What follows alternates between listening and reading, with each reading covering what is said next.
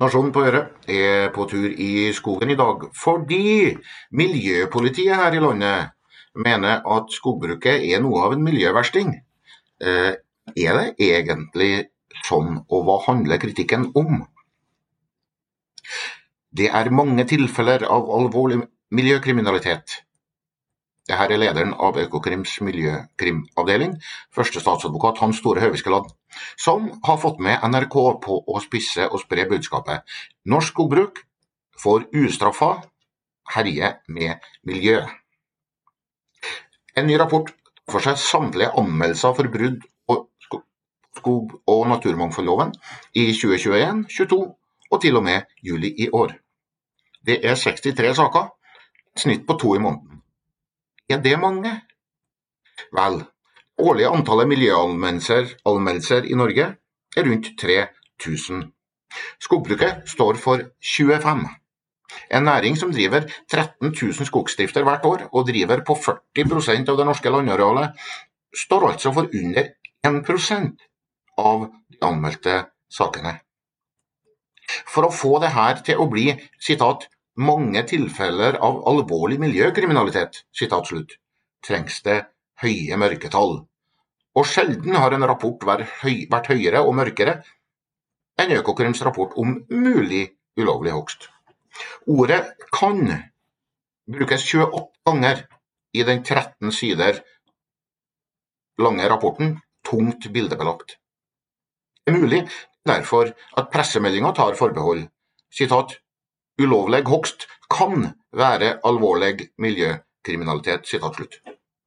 Hvor mange er de her mange tilfellene av alvorlig miljøkrim? Det sies ikke, men første statsadvokat Høviskeland fastslår likevel at det er mange. Ofte skildres tilfellene som lite inngripende, men samlet kan skadene være alvorlige og irreversible, sier Høviskeland. Kan enda en gang. Det rapporten faktisk sier, er at de fleste sakene gjelder hogst av et fåtall trær. Seks saker gjelder hogst på feil grunneiendom, altså at hogstmaskiner har sneia bortom naboteigen. En annen sak gjelder en hytteeier som hogg en furu for å forbedre utsikt. En annen igjen gjelder hogst i nærheten av en miljøbåndlagt skogteig. Her kan kalles mye forskjellig. Miljøkriminelt skogbruk er det ikke. Under én av ti anmeldelser ender i straff. Det betyr at straffetrusselen i dag er lite reell, heter det i rapporten.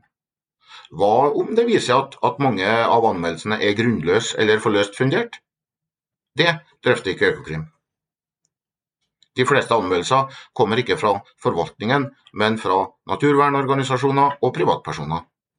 Og Det indikerer at den offentlige forvaltningen av skog er svak, og at mørketallene er store, oppsummerer Økokrim, som ikke vurderer hvor, hvorvidt flertallet av anmeldere kan mislike skogbruk generelt.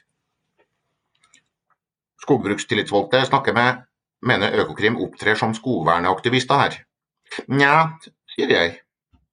Se på hva etaten har drevet med de siste åra. Økokrims miljøavdeling har tatt til orde for økte strafferammer og eller hardere tak mot ulovlig motorferdsel i utmark, mot ulovlig jakt på freda vilt, mot brudd på dyrevelferdsreglene, og nå sist strandsonekriminalitet.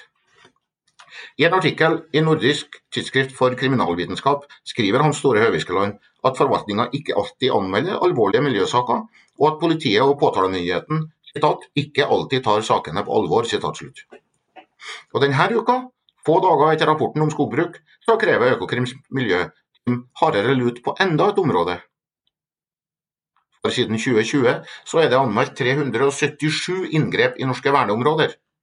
Og I motsetning til i skogbruket så ender halvparten av sakene her med straff. Det gjøres grove brudd på loven. Det indikerer at straffenivået er for lavt, sier tidligere Økokrim-advokat Magnus Juel. Teorien om at kriminalitet kan utryddes bare straffen er hard nok, er gammeltestamentlig, og et blikk på rettsvesenet i USA viser omtrent hvor feil den er. Det er til å forstå at politifolk vil øke det generelle straffenivået i egen sektor. Det øker oppmerksomheten, styrsen og ressurstilgangen til eget felt og internt i politiet. Samme dag som Økokrim gikk ut med høye mørke tall for verneområdene, så melder NRK at over 400 enslige barn og unge asylsøkere har forsvunnet fra offentlig omsorg siden 2015. Politiet samler ikke bevis, oppsøker ikke mottaket, snakker ikke med vitner. Dette er en moralsk skamplett og en systemsvikt, sier Egil Hove Olsvik, førsteamanuensis ved Politihøgskolen. I en verden med begrensa ressurser vil ingen, heller ikke politiet, få så mye penger som de syns de trenger. Dermed må det hver eneste dag prioriteres i saksbunken. Skal man ta en tur på asylmottaket, eller ta en tur i skogen? Prioriteringa blir ikke enklere om alle roper stadig høyere. Nasjonen på Øre ønsker deg en relativt avdempet og fin dag, fri for kriminalitet.